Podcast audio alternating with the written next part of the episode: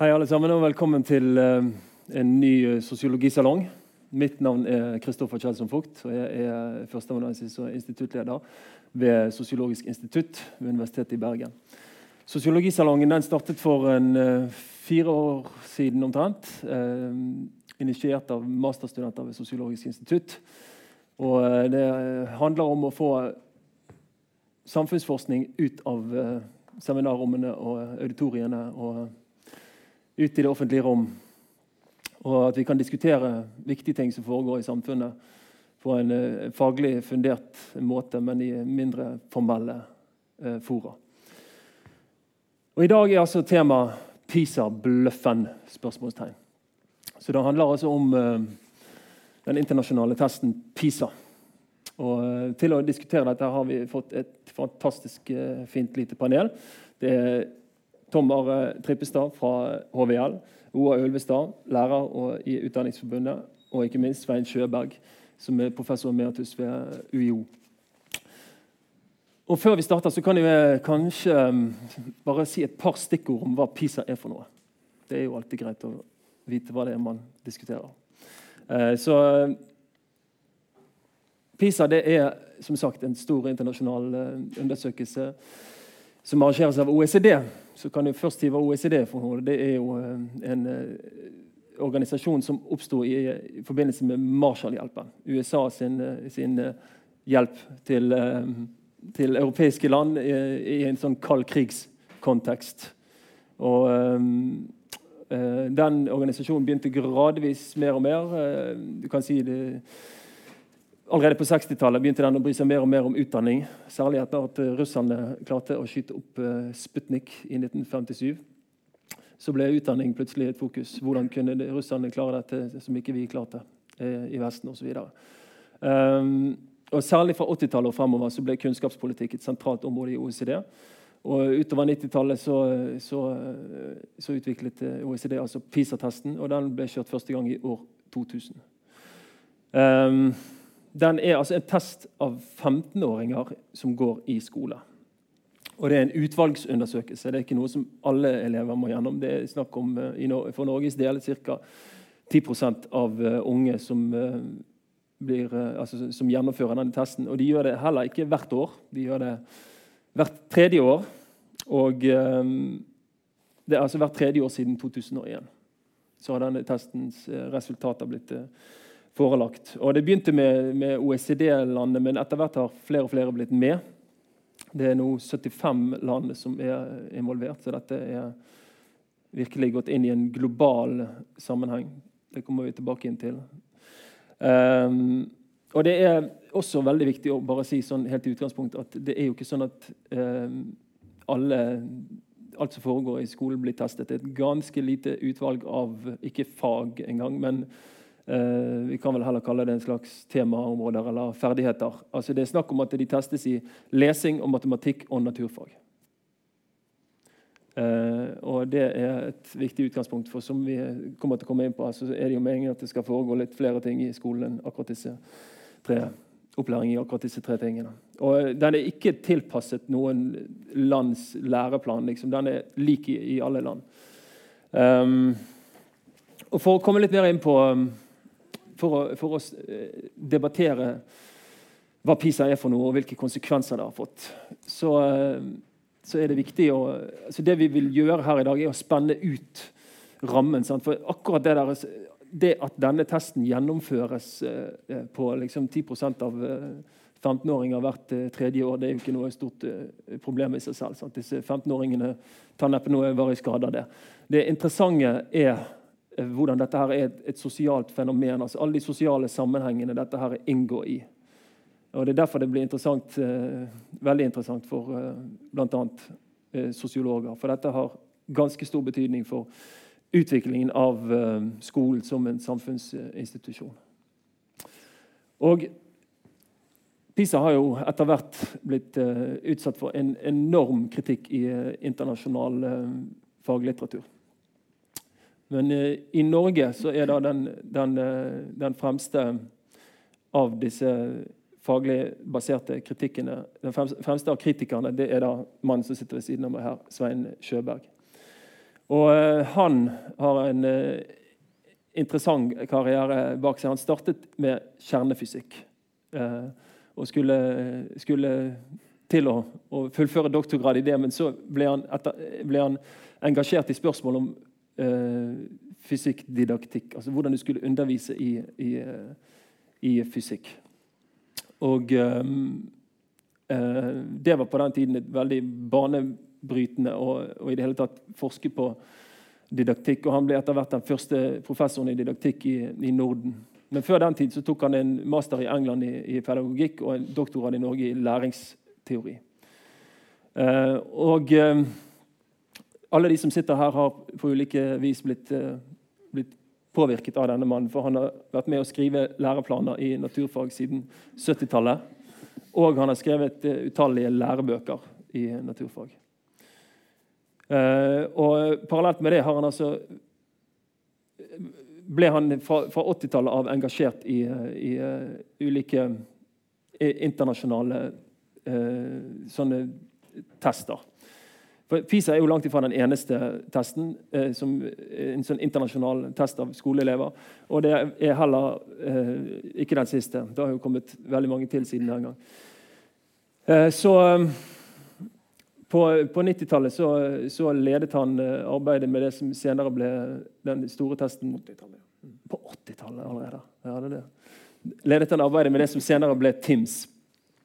Så han, eh, han hadde altså en inngående kjennskap til hvordan denne typen eh, tester foregår, og, og ulike ja, muligheter og feilkilder. Kanskje vi kan begynne med å spørre deg, Svein. altså da PISA først kom, og du hørte om, om planene og så spørsmålene og, altså, da, da, da, PISA først kom, hva var det du i utgangspunktet reagerte på? Altså Først og fremst, og dere hører meg nå, ja, da, ja, så jobbet jeg altså med den som leder av den første sånne store internasjonale studien som Norge var med på. og Det var på midten av 80-tallet. og Det er forløperen til det som mange kjenner som TIMS som nå heter 'Trends in Mathematics and Science Study'.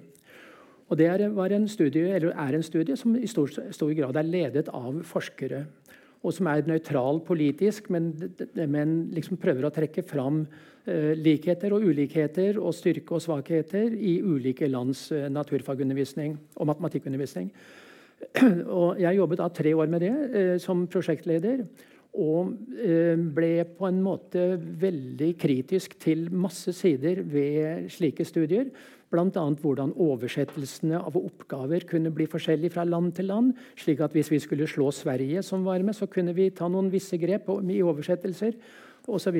Kanskje du kan gi oss noen eksempler på oversettelser på ditt fagfelt? Ja, altså A ball is reflected from a wall. Den engelske originalen. Eh, vi oversatte det. En ball reflekteres fra veggen. Ja, eh, Men på svensk så, så skrev de en ball spretter tilbake, eller stutser tilbake. ikke sant? Og med å bruke et dagligdagsord istedenfor faglige, den faglige termen å bli reflektert og reflekteres, så valgte de um, det, det dagligdagse ordet. Det er selvfølgelig riktig, slik at altså, du kunne oversette riktig uten å jukse. Men altså alt, hvis du hadde en forestilling om at du ønsket å gjøre landet ditt og slå, slå Sverige, og det er jo ofte et poeng uh, Jeg er halvt svensk, eh, så, jeg, så jeg, vinner, jeg, vinner, uansett. Uh, så, så, går det an, men masse små og store valg i oversettelse osv. osv. Uh, og dessuten, disse oppgavene var også problematiske, men de var nokså tradisjonelt naturfagstoff. Slik at eh, Da disse resultatene kommer, når de kommer, så, så, kommer de ofte i form av eh, lister, rangeringer. Liksom, og vinneren ble 'and the winner is', osv. Og, så og så kommer eh, de andre, andre etter. Og Det potensielt eksplosive i sånne ting er jo at dette blir fanget opp av, av, media. Det som vi egentlig kanskje skulle bare lære av for å gjøre undervisningen bedre. eller skjønne hva som foregår. Det blir fort til en internasjonal konkurranse om å vinne og, og, vi advarte I den sluttrapporten vi skrev i 1986, så advarte vi mot slike undersøkelser. Ikke, ikke, fordi det ikke er viktig å sammenligne internasjonalt, men fordi de potensielt har i seg denne muligheten for rangering på nokså falske og tvilsomme premiss, premisser. Eh, så jeg fikk en slags vaksine mot slike studier eh, den gangen. Og etter tre år så hadde jeg fått trippelvaksine, for å si det sånn, og var relativt, hadde fått styrket immunforsvaret mot den type undersøkelser. Og så kommer PISA på banen. Og, og Det skjedde i 2000, Første runde var i år 2000? ikke sant? Ja, den første, ja, og planleggingen begynte noen få år tidligere. Um, og PISA er, springer da ut av OECD. Og den er opplagt helt fra starten mye mer politisk. Altså OECD er jo en organisasjon for medlemslandene i OECD, som er de rike industrilandene.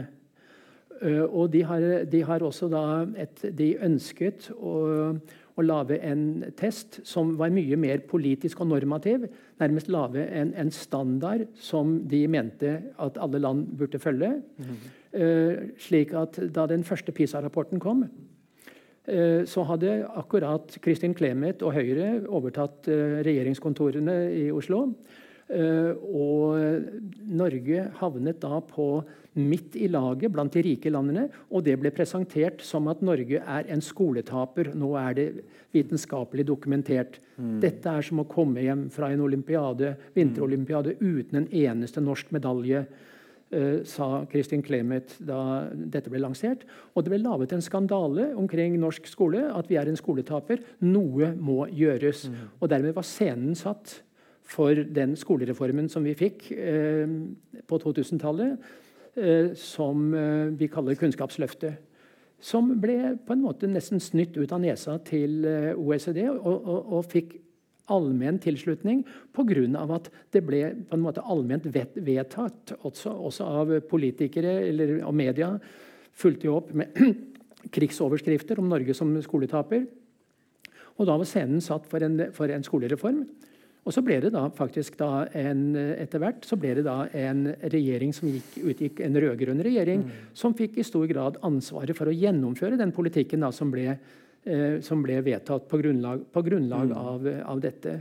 Det er en kort, det kort historien. Det det. Og, og, jeg har fortsatt med denne kritikken, og den er det mer og mer grunn til å komme med etter hvert som PISA har vokst og betydningen har økt enda mer. Det er det. Og eh, nå De siste årene så har man jo sett tendenser til, eh, til eh, en, at politiske partier også begynner å stille spørsmål ved dette. her. Rett nok foreløpig ganske små partier. Men um, ja, regjeringspartiet. Senterpartiet. Ja da, det er sant. Men, men tross alt et av de mindre. Ja. Um, men um, Men i alle fall, det som er det veldig interessante, er jo at det, eh, var ikke tilfellet tidlig på 2000-tallet. for en si. Altså, Dette ble mottatt veldig ukritisk eh, og tverrpolitisk. Det var få som våget å stille spørsmål ved hva er det egentlig denne testen måler. og Hvordan forholder det seg til, eh, til f.eks. Norske læreplaner. Så det er jo denne tverr, tverrpolitiske saken. Det, det, har jo å gjøre med, med det, det det fernisset av vitenskapelighet som, som, ble lagt fram her, altså i form av dette harde tall. Det, det, fremstår veldig, som, som, veldig harde tall. Men som vi vet, eh, og som statistikere har, har, vist når det gjelder akkurat dette med PISA, så, så er det disse harde tallene de, eh, de kan fort smuldre opp når man ser nærmere på dem. Og du har jo sett litt på den statistiske kritikken av. PISA. Altså, det er veldig mange former for kritikk av PISA. Ja. Uh, den viktigste uh, kritikken er på en måte ikke den tekniske om statistikken, og alt dette, men det er dette eh, overordnede politiske. At man altså kan lage, hvis man vil undersøke kvaliteten i skole og utdanning, at man kan lage én test som kan bruke eller altså, en test som elevene svarer på, eh, på, på to timer, som kan brukes over hele verden, og som brukes som et mål et universelt mål for hele skolens kvalitet. Altså, og denne testen baserer seg på en slags læreplan som ikke har noe med den norske læreplanen å gjøre. det nevnte du jo. Mm. Altså, de tester ikke etter norsk læreplan, heller ikke etter norsk formålsparagraf. Og heller ikke, oppgavene skal heller ikke være eh, altså De skal kunne brukes over hele verden. Det betyr at det må ikke være noen kontekst. Altså, det må ikke være noe om norske forhold, fordi det er urettferdig for Brasil f.eks. Slik at oppgavene som kommer der, er dekontekstualisert. Altså, det mm. mangler, og dette er for 15-åringer i, i, skolen, eh, hvor alle pedagoger jeg kjenner til, mener at skolen skal basere seg på oppgaver som, eller altså innhold som føles relevant og viktig for, for den enkelte i det enkelte land. Og så har dessuten hvert enkelt land har jo en skolepolitikk som, som, er veldig forskjellig fra land til land, men det er et nasjonalt mm. foretak. Mm. Og, og, nå kommer man altså med en universell eh, totimers test som skal liksom måle alt det som er viktig og ikke viktig i, i, i skolen. Og det er jo liksom, Den kritikken er det viktigste. Mm. Men så er det jo også hvordan får de til disse tallene. Også der er det jo snubletråder hele veien som mm. er plukket fra hverandre av statistikere mm. øh, og fagfolk når det gjelder selve oppgavetekstene mm. og oversettelsene. Slik at kritikken dreier seg om mange ting. men Min kritikk begynte med det faglige. Mm. Altså, jeg syns oppgavene var dårlige. De var dårlig oversatt. Mm. Uh, og det var ingen kunst å prøve å trikse det opp og, opp og mm. ned hvis man hadde en agenda. Mm. Uh, men etter hvert så har uh, min kritikk blitt mye mer den, den, den ideologiske, altså den kulturelle. At du løfter skoledebatten opp å fjerne den fra verdier og la det mm. bli en, et spørsmål om rangeringer på en felles indikator som skal gjelde i alle land til alle mm. tider, uansett. Det er det. Det er det mest uh, fundamentale. Det er akkurat det. Og, og en ting er jo det at det handler om, om ideologi og verdier, men, men altså det handler rett og slett om, eh, om uh, demokrati. Sant? For vi har jo en demokratisk vedtatt lærings, læreplan og, og formålsparagraf for uh, skole. Overordna del. Uh, og, og, så, så, det problemet er jo når, uh, altså når, uh, når politikerne og, og kommentariatet osv. Ikke helt forstår den distinksjonen. Altså at skolen er en samfunnsinstitusjon med et, med et demokratisk bestemt oppdrag.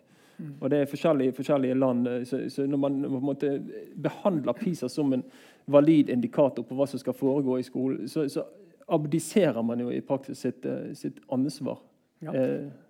Og de er stolte av det. Altså, ja. Um, lederen av PISA, som heter Andreas Schleicher, han sier at uh, PISA er en suksess fordi det har forandret, det har løftet utdanningspolitikken fra å være et nasjonalt anliggende mm. til å bli preparation for the global market. Mm. Altså at det er, det er, målet for å gjøre suksess i et internasjonalisert, mm. globalt arbeidsmarked. Og det er neppe drømmen til barn i Mexico. At de mm. skal bli liksom, forberedt på dette markedet som de ikke vet eksisterer engang. Mm. Uh, men de er altså stolte av at PISA nå har hatt innflytelse på nesten alle de landene som deltar, mm. når det gjelder utformingen av skolepolitikken. Vi fikk, vi fikk, Kunnskapsløftet og nasjonale prøver og alt som fulgte med det. Og i Danmark og Sverige fikk de noe tilsvarende. Eh, nå avskaffer Danmark sine nasjonale prøver, og Sverige er i fritt fall eh, på mange måter. Mm. Eh, og også der har vi PISA-kritikken som, som planter mye av skylda på, på, på har, disse internasjonale studiene. Mm. Og eh, La oss gå videre til neste mann i panelet her, Roar Ulvestad. Han er altså min eh, tidligere ungdomsskolelærer, for de som ikke visste det. Han var en fantastisk lærer. Og Siden den gang så har han uh, fortsatt å være lærer, og han har fremdeles et, eh, et bein i, i, klasserommet. Men han er også uh, i, er også i fylkesstyret i, i, Vestland for Utdanningsforbundet. Um, og Roar, du som er, har vært ute i klasserommet i årene her mens dette har pågått. Hvordan har dette her Eh, preget norsk skole i, i, på, på, på, grunnplanet. På grunnplanet, ja. Nå skal læreralibiet i forsamlingen få, ja, for, Så må vi få høre. Det må. Um, det, jeg elsker å høre på Svein snakke om PISA, og så blir jeg litt, alltid litt skremt. Jeg har hørt på det noen, noen ganger. fordi det er, det er ganske omfattende og massivt. det her, og Det, det, er, mange, det er, mange, nivåer i det. og, og Svein har kjempeinnsikt i alle nivåene, så det er lett å bare lene seg tilbake og og egentlig å ta imot. Det kunne jeg gjort, uh, gjort lenge. Og du, du, snakker om det ideologiske og det vitenskapelige. Du er i stand til å, å gjennomskue hvordan, hvordan, det er bygd opp, og hvordan det er dekontekstualisert, og hvordan det blir, blir brukt. Jeg selv er er jo provosert som lærer over mange år over at det her blir brukt til å idiotforklare oss. Og til å, til å sette stempel på det vi holder på med. Mm. Det å sette til side læreplanen, som, som du nevner. Mm og, og, på en måte at, at, Som om det finnes et objektivt mål på, på, kvalitet som vi skal bare spre globalt. Hvorfor skal vi da ha loka, eh, lokale eller nasjonale læreplaner? Hvorfor skal vi ha det? Hvis vi skal bare gå, gå etter Schleichel sine, sine eh, kompetanseforståelse. Eh, det, det, er jo helt meningsløst. og vi ser Det er derfor også i hvert fall avtroppende regjering Jeg er ikke redd for å være politisk, for vi kan ikke vente til neste liv med det. Vi må være det, være det nå. Avtroppende regjering har på en måte forsøkt å beholde denne objektive tilnærminga ved å holde på, på grunnleggende ferdigheter i læreplanet. Og, og De er på en måte også litt dekontekstualisert og litt kulturtomme i forhold til mye annet i læreplanen som er nasjonalt uh, retta. Så Ludvigsen-utvalget som lå til grunn for den nye læreplanen LK20, anbefalte å tone ned snakk om grunnleggende ferdigheter. Fordi det innlysende for en lærer, uansett plass i utdanningsnivået, lesing og skriving er faktisk viktig. Vi trenger ikke at en regjering eller at Schleichel skal fortelle oss at lesing og skriving er viktig. Hvor, hvor banalt kan det være? Uh, og, og, og, Jeg tør ikke å tenke på hva midler som har blitt øst inn i dette her fordi vi gjorde det så dårlig for så lenge siden. Uh, det, er kjempemidler. Det ble tatt 100 millioner fra fruktordning i grunnskolen uh, inn i videreutdanning i matematikk. For, for det var viktigere at en på en skole da fikk 30 studiepoeng mer enn at alle eh, elevene skulle få eh, en grønnsak eller et eple daglig. Så Det, det er sånne avveininger som er helt uh, hårreisende. fordi ok, Det kan være en del, delinnsats til å gjøre det litt bedre neste gang på PISA. Fordi det, det, er viktigere med PISA enn at blodsukker er på plass når vi begynner med undervisningen. Det, det er litt banalt, men så, så, banalt er disse Det er sånn tunnelsyn på, eh, på PISA. Hvordan blir det neste gang? Og det er, da, det er, jo da, Rett før PISA og rett etter det er jo da den offentlige diskusjonen om PISA er på sitt, uh, sitt mest, mest, intense.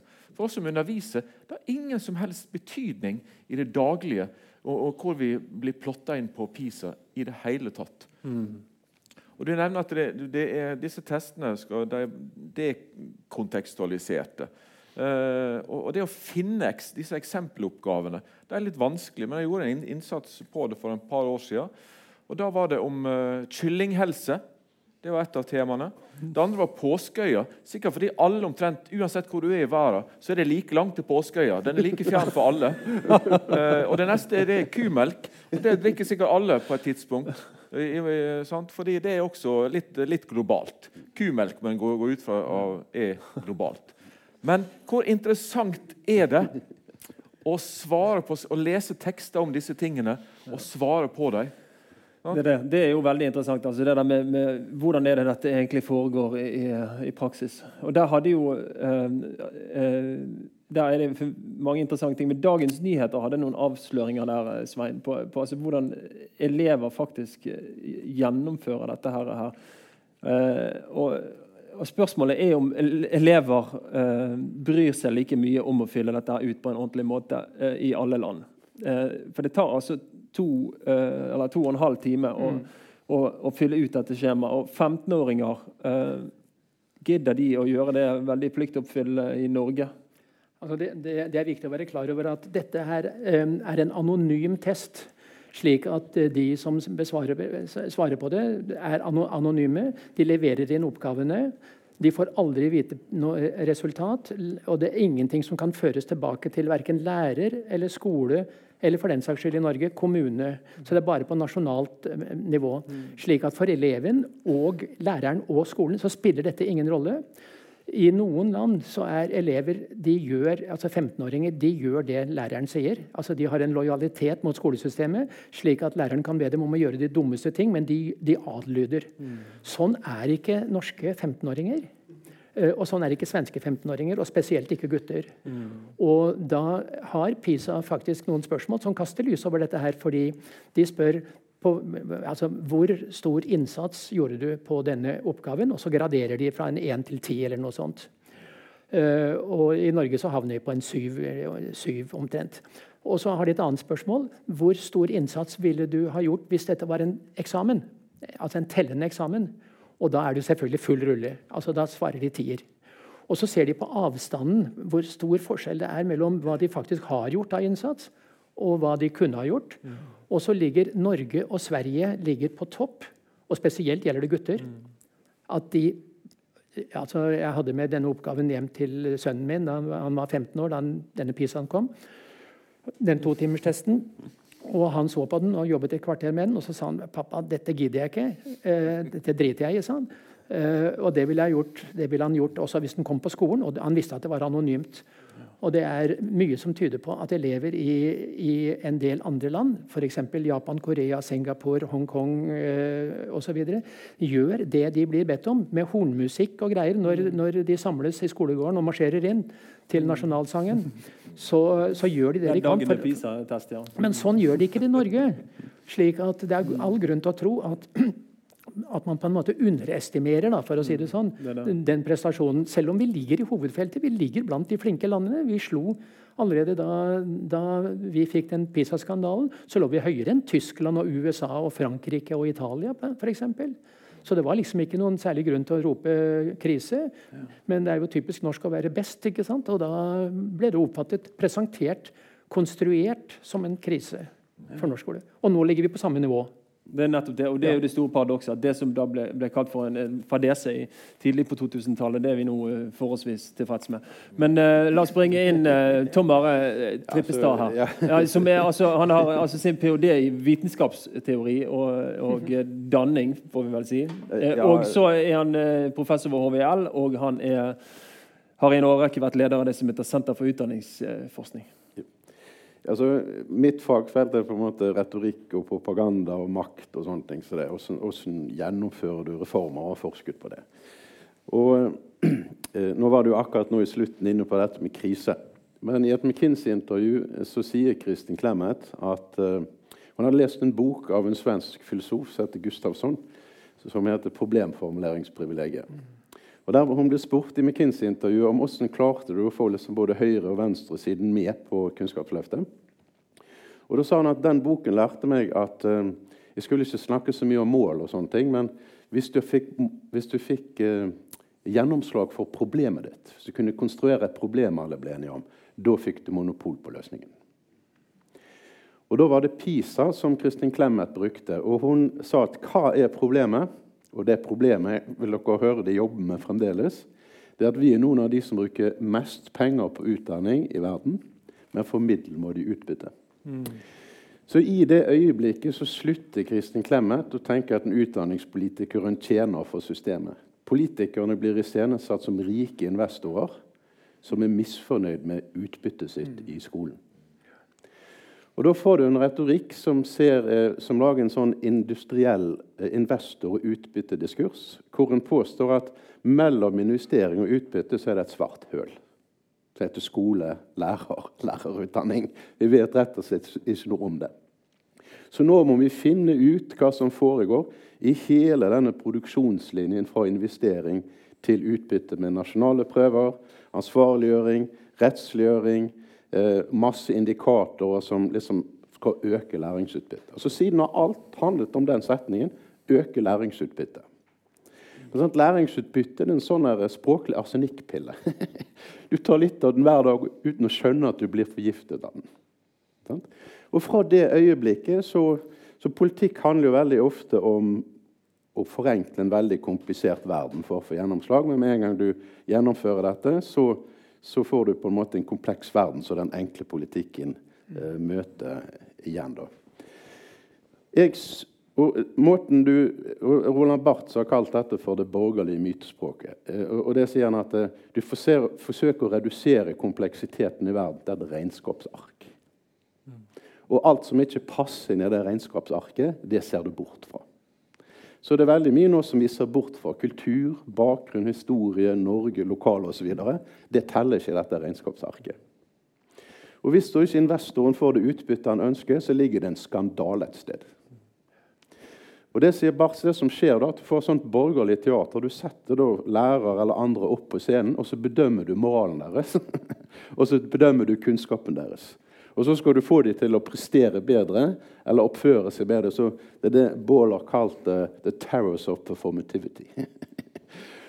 og så gjør du jo masse andre skumle ting med disse, ikke direkte med PISA. Men så kan knytte prestasjonslønn til å øke læringsutbyttet. Så rektor har fått hemmelige kontrakter. Hvis de øker læringsutbyttet, Så det, det. Men altså, det, det har jo skjedd i andre land. Så har jo dette blitt tatt helt ut i, eh, i sånn eksempel, eh, altså, At lærere får mer lønn hvis deres klasse får gode resultater på, på sånne tester. Sant? Så det blir jo sånn test-based accountability, som de kaller det.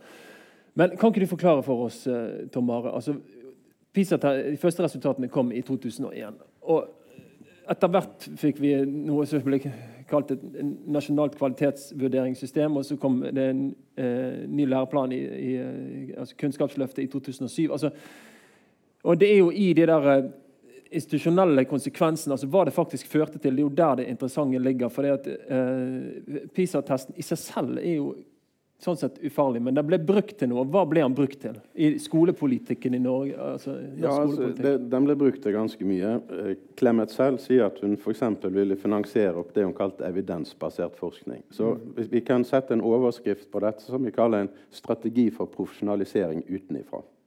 Som har vært veldig markant i forhold til hele ja. sektoren.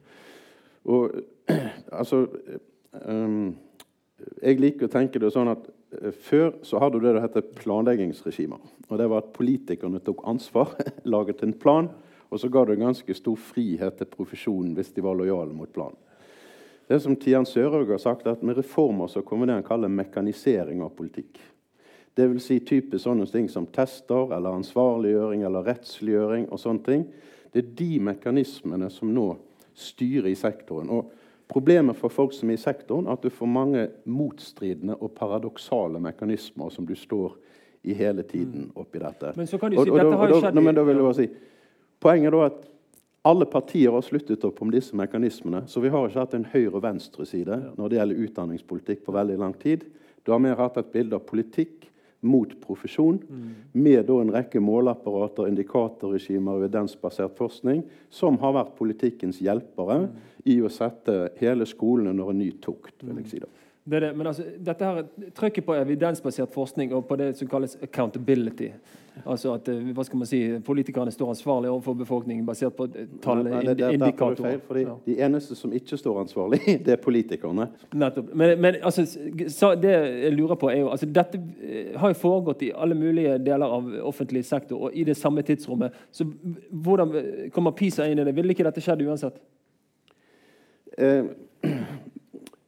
eh, Bergesen, som var på en måte en av strategene for, for Clemet, han sa at de visste egentlig ikke hva de ville med reformen. Det var helt åpen for dem. Vi- I vi bare- 2007. ja, nei, ja, ja, I kampen om kunnskapsskolen, når de fikk PISA-resultatene. sånn. Men det var en slags gyllen mulighet der som vi måtte gripe. Men Og de, de hentet jo da inn veldig mange ideer fra USA, altså fra Texas og sånne ting som det, med mange av disse som Mm. kom fra No Child Left Behind osv. PISA ga oss en flying start, sa han, sa, sa han skrev han i boka. ja. Men- Så, men, så, det, så det skal bare si en ting. ja. Så det du får et eksempel på da, globalt, det er det vi kaller policy borrowing. Men du, har, du tar ikke med deg policy learning. Så du undersøker ikke hadde dette noen negative konsekvenser i USA. Nei, du bare tar problembeskrivelsen og løsningene uten å gå dypt inn i hva de faktisk har gjort i andre land. Så den lettvinte importen av ulike krisebeskrivelser og politikk, det har preget norsk utdanningspolitikk spesielt. eh, ja. Jeg vet ikke om du er enig i dette, Svein? Ja. Ta denne regnskapsmetaforen din. Den er trist, men gyldig. Og, og Du snakker om eh, kvalitetsvurderingssystemet. og der, jeg tror Vi, eh, vi kunne utvida diskusjonen til å omfatte ganske mye. For PISA er en del av det nasjonale eh, kvalitetsvurderingssystemet. Kanskje den som har fått mest eh, oppmerksomhet. Men dette regnearket det var i hvert fall under avtroppende regjering under full utvikling. Eh, Med stadig nye nedslags, nedslagsfelt, spesielt eh, på grunnskolenivå. Der det, og Der var det også en regnskapsbegjær i Utdanningsdirektoratet som ville ha flere tellinger og mindre av disse fortellingene, for de er veldig upålitelige. Men tellingene, tall er bedre enn bokstaver. Det, det er, er grunnholdningen. En ville gå langt lenger enn mange andre OECD-land i tellingene. Og det, og det, det er skremmende. En vil være best i klassen også på tall. En ville innføre adaptive prøver i stedet for det trauste, kjedelige, gammeldagse kronologiske. En ville ha prøver som tilpasser seg eh, svarene eh, til den som skal ta, ta prøven. En vil ha styringsorienterte prøver eh, ute i skolen, som det eneste landet i Europa så, så det, det, denne ambisjonen om å styre, uh, 'guiding by numbers', den, den, den, ble bare heftigere og heftigere. Og det kan virke som vi kan, Folk kan kanskje aldri vite på at uh, en del av denne utbygginga av, uh, av regnarket det var uten kunns avtroppende kunnskapsminister sin, sin vitende. Det, var, det, skjedde mye i UDIR som hun nok ikke visste om, men måtte ta ansvaret for i det offentlige. Det er i hvert fall min paranoide tilnærming. Men til og med paranoide blir forfulgt. Det er en kjensgjerning. Uh, så, så, så, vi har hatt en, en, en e, egenrådighet i UD som jeg, jeg syns har vært skremmende. Jeg kan si det, for jeg, aldri ha, jeg har aldri en karriere som kommer den veien. Så du har ikke tenkt å søke jobb i Utdanningsdirektoratet? Aldri tenkt, jeg var med, jeg var med i første del av uh, å, å, utvikle læreplan for, for norskfaget. Jeg var med i kjerneelementgruppa. Det var et veldig interessant arbeid. Det var også veldig interessant hva premisser som kom. Og vi fikk en, blant annet, litt seint i arbeidet en, en, eh, liste over målevennlige verb å bruke, og verb som var lite målevennlige.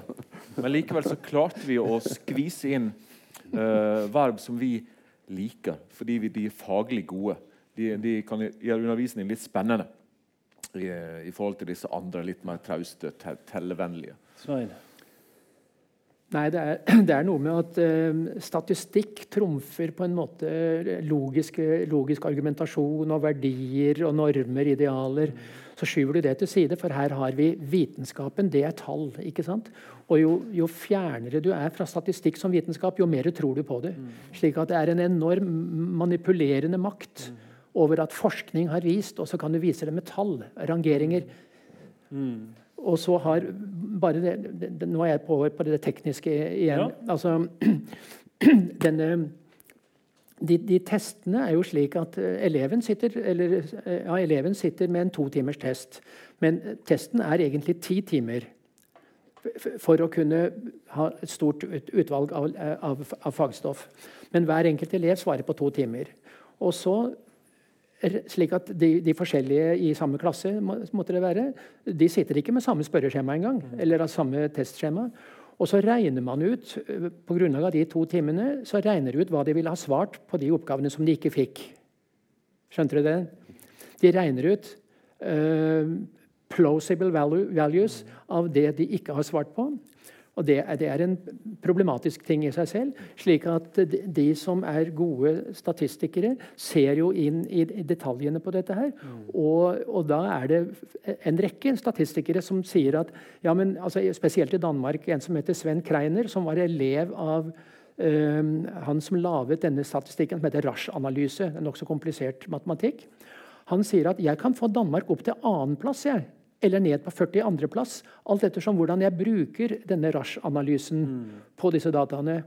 Og det har vakt Til å begynne med så tok, i, eh, tok, PISA bare og ignorerte den type kritikk, men den ble så eh, høylytt etter hvert, og også danskene spurte om, om uh, svar på dette. her, så til slutt så har danske politikere nå, siden de ikke har fått ordentlig svar, sagt at ja, men vi vil ikke la PISA-testen vi, vi, vi, vi, vil ikke se disse rangeringene fordi de er upålitelige. Mm. Slik at altså små endringer, også i det statistiske, gjør at land spretter opp og ned. Ja. Og noen land altså nå ble, I siste runde så ble um, Thailand feiret som en stor suksess fordi de hadde en fantastisk framgang.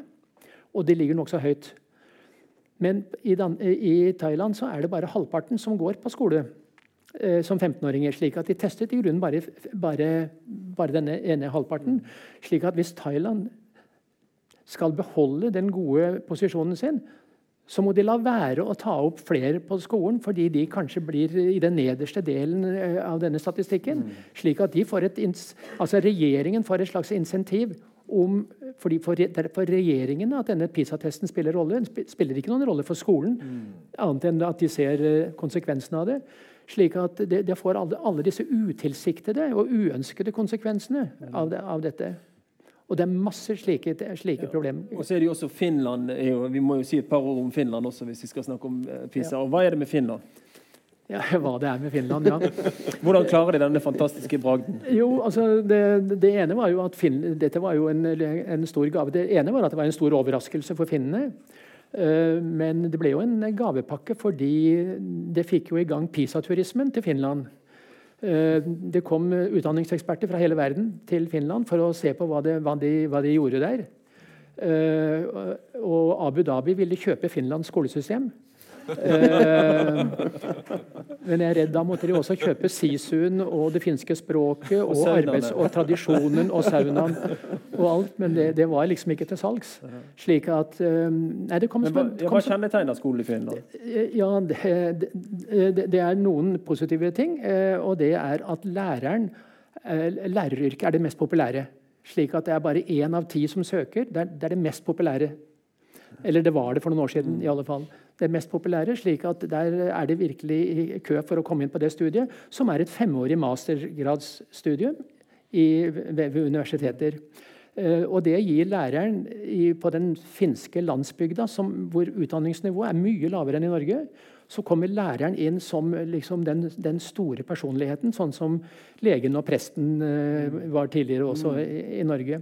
Mm. Så på mange måter, det som foregår i finskes klasserom, er noe som ligner på da jeg gikk på skole på 60-tallet, mm. med en veldig respekt for uh, læreren, og vi gjorde som vi ble, ble bedt om. Og, og, vi visste at veien videre til Eller nå vet de det i Finland. At veien videre i, De hadde høy arbeidsløshet et, da, etter murens fall. var det høy, Og uavhengigheten fra, fra, Russland. Så var det høy arbeidsløshet. Slik at alle visste at framtida det var å, å, å være flink på skolen, og kanskje spesielt i naturvitenskap, fordi det var Nokia-eventyret i mm. Finland. Mm. Ja. Så er, Alle sånne forklaringer er lo lokale, men nå går Finland ned. Slik at Norge ligger omtrent likt med Finland. Tom Mara, hva sier dere til Finland? Jeg likte, ja, Finland, eh, men jeg likte det du sa om at de som kan minst om statistikk, så, så respekterer det mest. på en måte. Det sier jo litt om politikerne, da, som bruker dette. men, eh, men jeg, jeg synes jo siden vi er på For det første, finnene var jo i ferd med å gjennomføre de samme reformene som oss. Eh, og så kom PISA, så sa politikerne vi kan faktisk ikke noe om vårt eget utdanningssystem. Så de måtte begynne å finne ut av det da. Så de reformerte på samme måte som i Norge. Modellbasert, uten empirisk kunnskap, ville spekulasjoner. Eh, det var sånn de ville være, men de måtte altså reversere det. Men der kommer vi inn på en av de kanskje eh, minst diskuterte tingene med PISA og OECD. Eh, Svein har vært innom det i noen av tekstene sine. Det er jo at Dersom dette er et superrasjonelt og vitenskapelig system som skal måle i fremgang på den måten, men utgangspunktet er vill spekulasjon. Altså Det sitter folk der som har forestilt seg en framtid. Det er jo hovedutgangspunktet for PISA. Og da i tillegg til å ha forestilt seg en framtid, òg har eh, prøvd å definere hvilke ferdigheter mm. trenger vi mm. til denne framtiden. Ja, altså Da tenker du liksom det postindustrielle kunnskapsinformasjonssamfunnet? Ja, nei, altså er har en vill spekulasjon om hva, frem, hva det vi mm. trenger i framtiden. Hvilken kunnskap skal vi ha? Så vi må jo stille det, altså Når de har en sånn visjon over framtid, så må vi stille spørsmål først. Hva er en visjon? Hvordan finner vi en rett visjon? Hvem er de visjonære? Hvor finner de? Hvem er de? Hva heter de? Så, og Det gir jo en voldsom makt at du sier at 'jeg har sett framtiden, og jeg skal føre'. Det er jo en sånn gammel profetisk makt. Mm. Men det har de altså sluppet unna med. En vill spekulasjon over framtiden, mm. som de har laget et eget kunnskapssystem og en egen test ut ifra som kommer ned i nasjonene. Så vi må virkelig gå inn og si Og selvfølgelig ligger det mye ideologi her. sant? Det er nettopp det. Og men de siste årene så har jo næringslivet så å si, eh, snakket tilbake og sagt at det, nei, faktisk det som er altså globalt også, det som er de virkelig etterspurte skillsene i the 21st century, det er liksom kreativitet, eh, mm. selvstendig tenkning, eh, sosial kompetanse osv. De er i gang med å utvikle for å måle det. Du vet det i PISA. ja, det er det. PISA hevder jo å måle den typen skiss, men hvordan i alle dager kan de hevde det når, hvis du ser på hva det er de faktisk spør om i, i, alle de forskjellige landene? Men jeg har veldig lyst til at vi skal få tid til å, å snakke litt om interesser. Det er jo noe vi sosiologer er veldig interessert i. Altså, hvem. Hvordan, hvordan Særinteresser. Um, og hvordan, eh, altså, hvordan, i alle dager har dette kunnet uh, utfolde seg? Og da er, jo, uh, da er, jo, gjerne svaret at det er noen som har hatt interesser i at det, det har, dette bildet har blitt som det har blitt.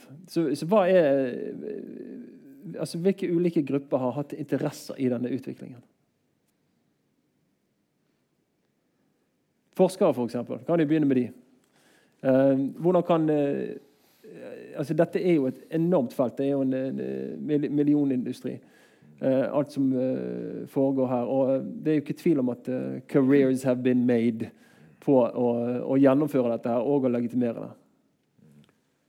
Og vi, har, vi, har, jo diverse, diverse nasjonale sentre som, som, har interesse i dette, og som leverer en, da, sine, sine, tilbud på de anbudene som kom ut fra, fra mm. UDIR. Og de, de, ser heller ikke sitt, sitt, det oppdraget i, i, full kontekst, for de vil jo ha jobben. Og nå var det for eksempel, jeg, jeg gjorde en amanuensis fra Lesesenteret i Stavanger ganske sur. så Jeg hadde et innlegg om uh, adaptive prøver og viste min, min, skepsis til det. Og da fikk et front, skikkelig frontalangrep tilbake. For, det, det, for, de hadde jo stor tro på det. Ja, selvfølgelig har dere det. Dere vil tjene penger på det hvis dere klarer å innynde dere hos UDIR.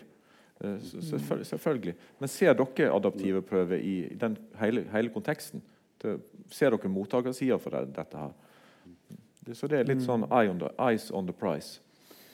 Altså det, det, det, er et komplisert tema, for det har med hele styringen av, av høyere utdanning og forskningssektor. dette, sant? Fordi du har, du har, universiteter og høyskoler som er underfinansiert eh, basis. Hvor da en har vært opptatt av å skape konkurranse, for en tror at det gir mer kvalitet. Så ved å underfinansiere og tvinge institusjonene ut i mer konkurranse om pengene, så mener en at det virker kvalitetsfremmende på de ulike institusjonene.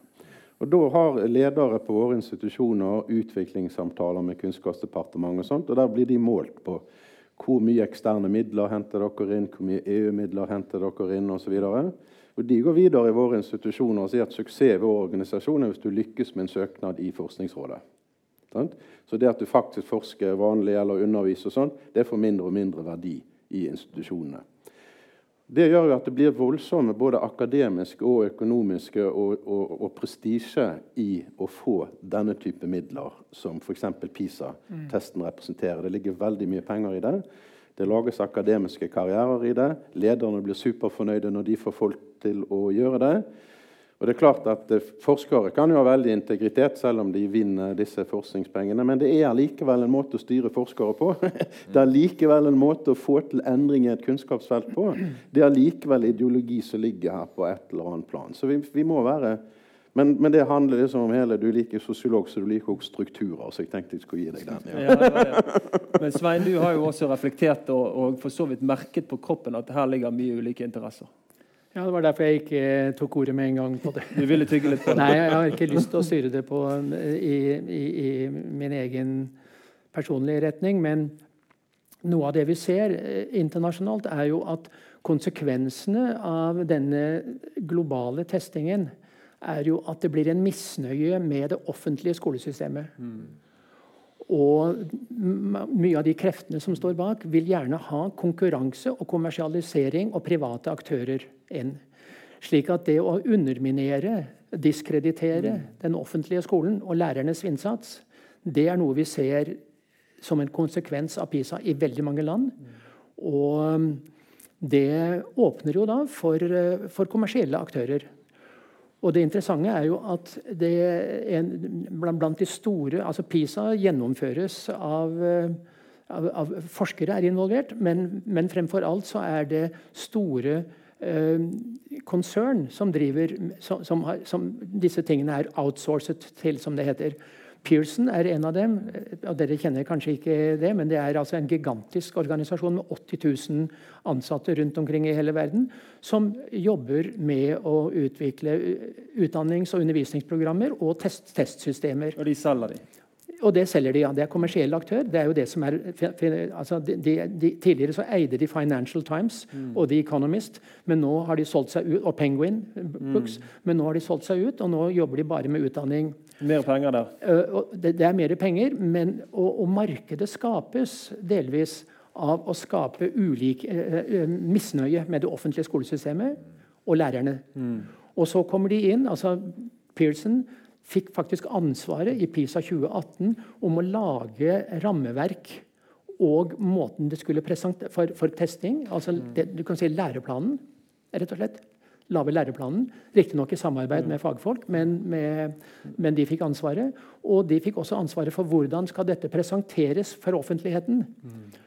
Og, og det er velregisserte eh, ting når, når, disse dataene slippes hvert tredje år. 3.12. klokken 10 GMT. Så, and the winner is. Så får vi vite PISA-rangeringene. Og, og, og, journalister har da på forhånd fått pakker eh, med materiale de kan bruke. Og dette er veldig godt regissert. Og, så Pearson, som da har laget det, de kommer da også med altså De stiller diagnosen gjennom uh, laver, lage krisen, for å si det sånn, rundt omkring. Og så kommer de inn med løsningene i form av sitt eget undervisningsmateriell, som da selvfølgelig kan være standardisert, fordi PISA er standardisering. Det er standardisert, og det er kommersialisert.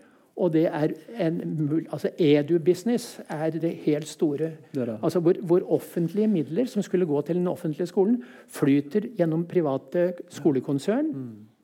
eller gjennom utdannings... Eh, altså ICT, eh, altså teknologiske produkter, mm. eh, inn, inn, i skolen. Så dette, dette, det er et en enormt marked. fordi altså Utdanning er jo noe av det staten virkelig i hvert enkelt land bruker enorme summer til. Og dette her blir da nå i stor grad kanalisert over til i privatisering. Det er jo det vi har sett i Sverige, ehm, men vi ser det også i mange andre land. Og Det er veldig interessant å se i en global kontekst, for dette er jo et åpenbart tilfelle hvis du ser det globalt på det, mm. altså imperialisme, altså nykolonialisme. For dette er jo Vestens definisjonsmakt over hva utdanning skal være, altså, som etter hvert stadig flere land uh, melder seg på og gjerne vil uh, forbedre scorer i disse testene.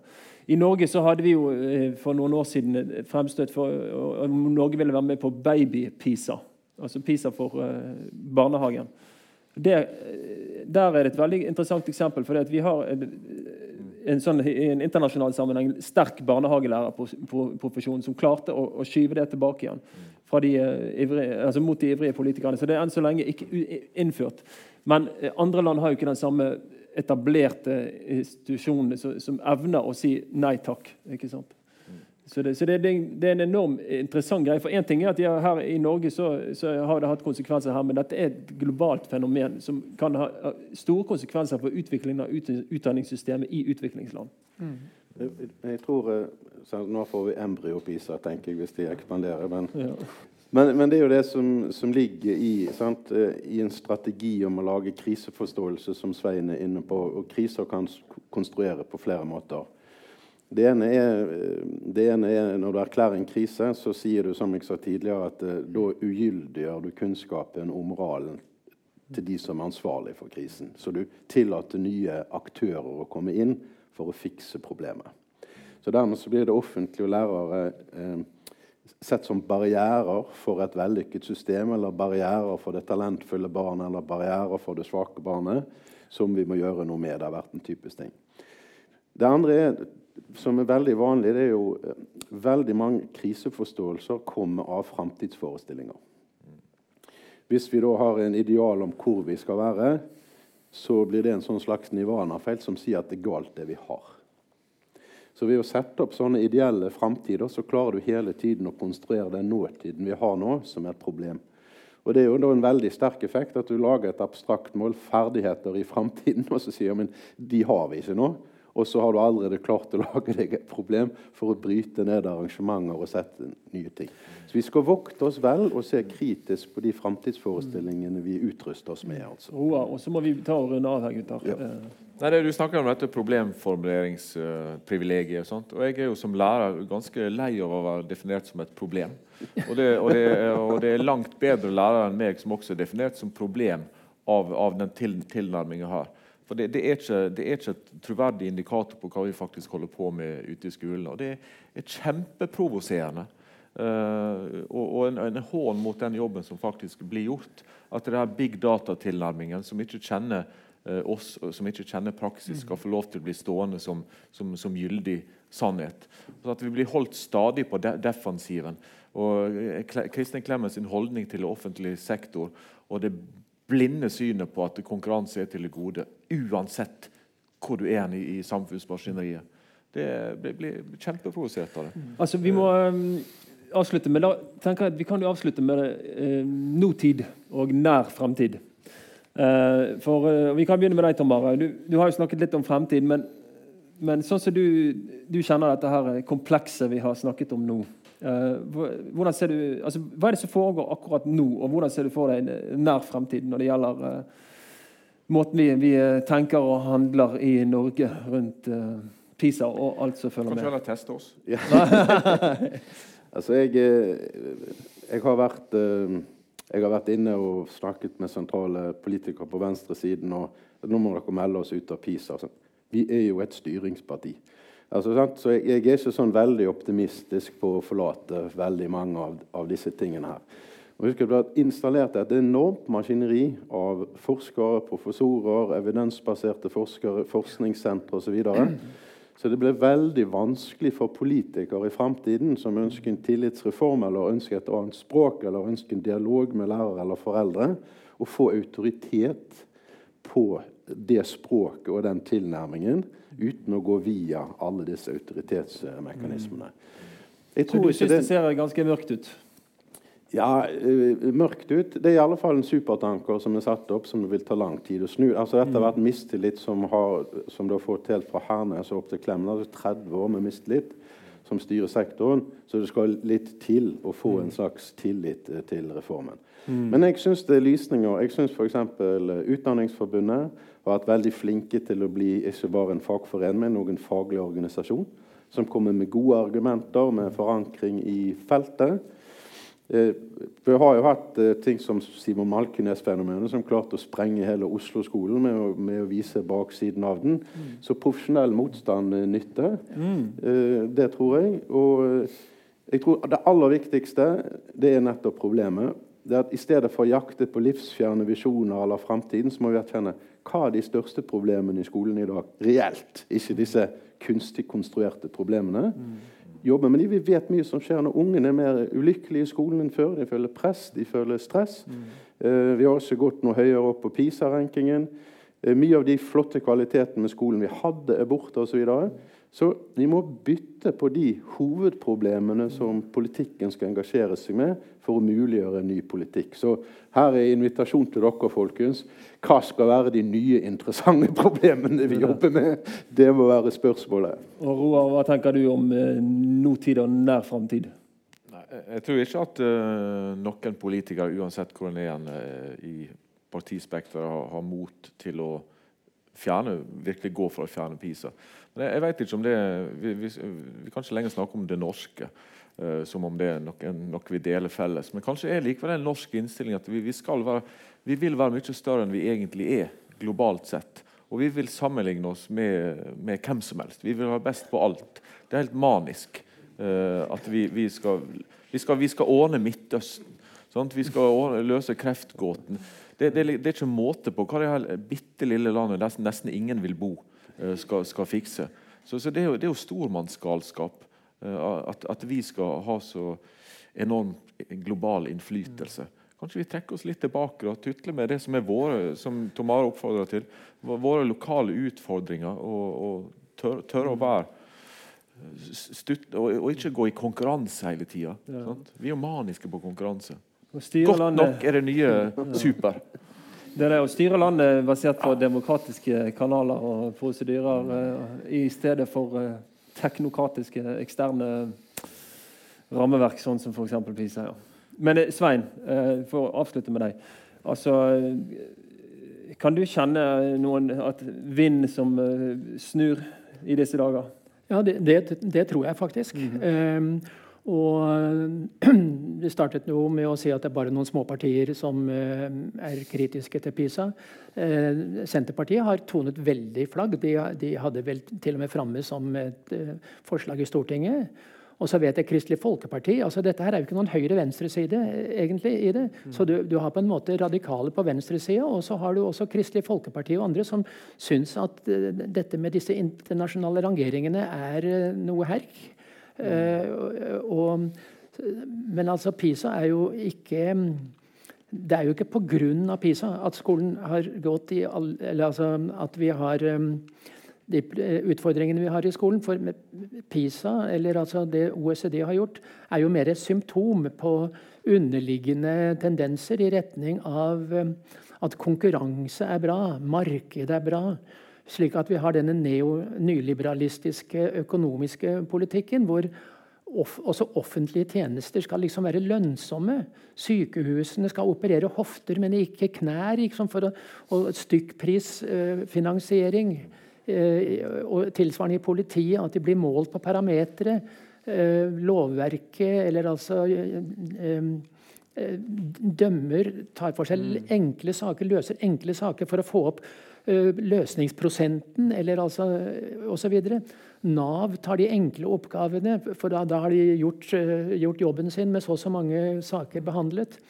Slik at det er jo denne målemanien eh, i altså, mål- og resultatstyring som er veldig vanskelig i, i, i de store offentlige sektorene. Så det er, jo, det er, jo, det som på en måte er det, det store bildet. Og utdanning, skole hører, og også høyere utdanning eh, og forskning eh, hører jo inn i dette her. Og på det området så har vi jo sett at eh, vinden har snudd noe, men foreløpig mest når det gjelder sånne retoriske vinder. Mm. Ikke så mye på eh, reell eh, politikk foreløpig. Men eh, for at det eventuelt skal skje, så er man avhengig av at også forskere, flere forskere gjør sånn som Svein har gjort, og, og belyser dette her i en, en bredere eh, faglig og samfunnsmessig kontekst. Så Der går invitasjonen ut til eh, alle unge sosiologer og eh, andre. Og Da tror jeg at vi rett og slett sier tusen takk for eh, denne sosiologisalongen med Tom Are Trippestad, Ro Ulvestad og Svein Sjøberg. Og ønsker velkommen tilbake en annen gang.